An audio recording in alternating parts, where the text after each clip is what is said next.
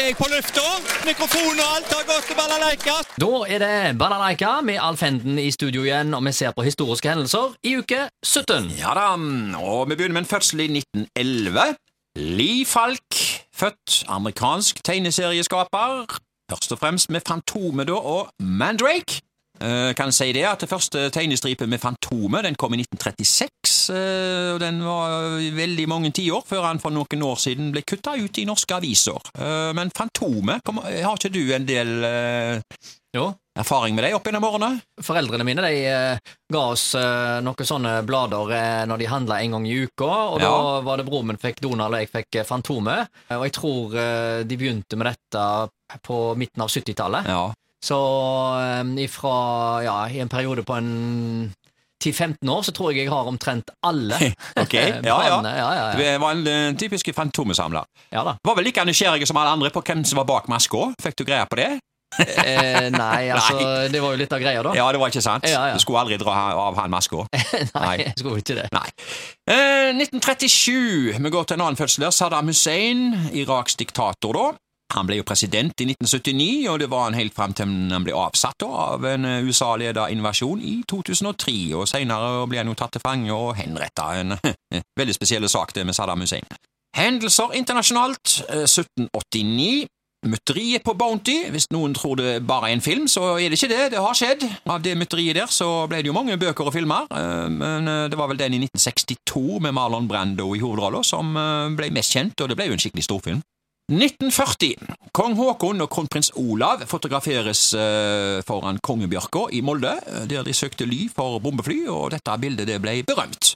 Og så går vi på lokale hendelser. Vi tar kino i 2009. På Edda gikk filmen Knowing, en actionthriller med Nicolas Cage til 15-årsgrensa. Der så gikk filmen Monsters vs. Aliens, en eh, sjuårsfilm med norsk uh, tale der. Var det aliens du sa? Jeg sa aliens. Aliens. Yes. Ja, ok da. Og så gikk Dragejegerne, eller Drag-jegerne. Nei da, det. Drage, ja. Animasjonsfilm. Sjuårsgrensa der òg. Ja. Og så gikk filmen Fast and Furious. En Furious? Action. Ok, Furious. Ja, ja, ja. ja. ok, da, er neste, da. Eh, De Defiance. Kan vi si Defiance? Er, det, er det engelske film? Det er drama, krigsfilm med Daniel Craig i hovedrollen. Ja, ja, ja. Ja. Defiance. Defiance! Ja. Og så kom en film som er lettere å uttale. 'Menn som hater kvinner'. Det var Ja. en basert på Stig Larsson-roman, da. ja, ja. Og så tar vi en norsk film, en grøssarfilm, 'Skjult', eh, med Kristoffer Joner. 15-årsgrense på den. ja. Det var kinemenyen i 2009. Yes, noen har sikkert vært på eh, noen av disse filmene. Det er jo ikke så mange år siden, faktisk. Og så skal vi til veldig gamle dager, og da er det selvfølgelig Kim Kakko-bøkene til Tor Inge Wormeland vi tar i bruk. 1908. Sykehuskloakk, du. Haugesunds Avis skrev. Sykehuskloakken må der virkelig gjøres noe med. I måned etter måned har den utgytt sitt innhold over den gamle Skjoldevei. Når solen står på, stinker det avskyelig. Stygt er det å se, stygt er det å lukte, og ikke mindre stygt er det å tenke på. Ja, kloakk har vel aldri lukta noe godt. Uh, Fins det noe som lukter verre? ja. Ja, Hønsaskitt. ok. Og så du, jeg kom på det, i fotball så er det jo mye sagt om at det lukter offside. Ja. Nå lurer jeg litt på hvordan lukter offside. Eh, hvordan lukter offside, du? Du, Da er det bare én ting å si, Nei, og det er tre bokstaver.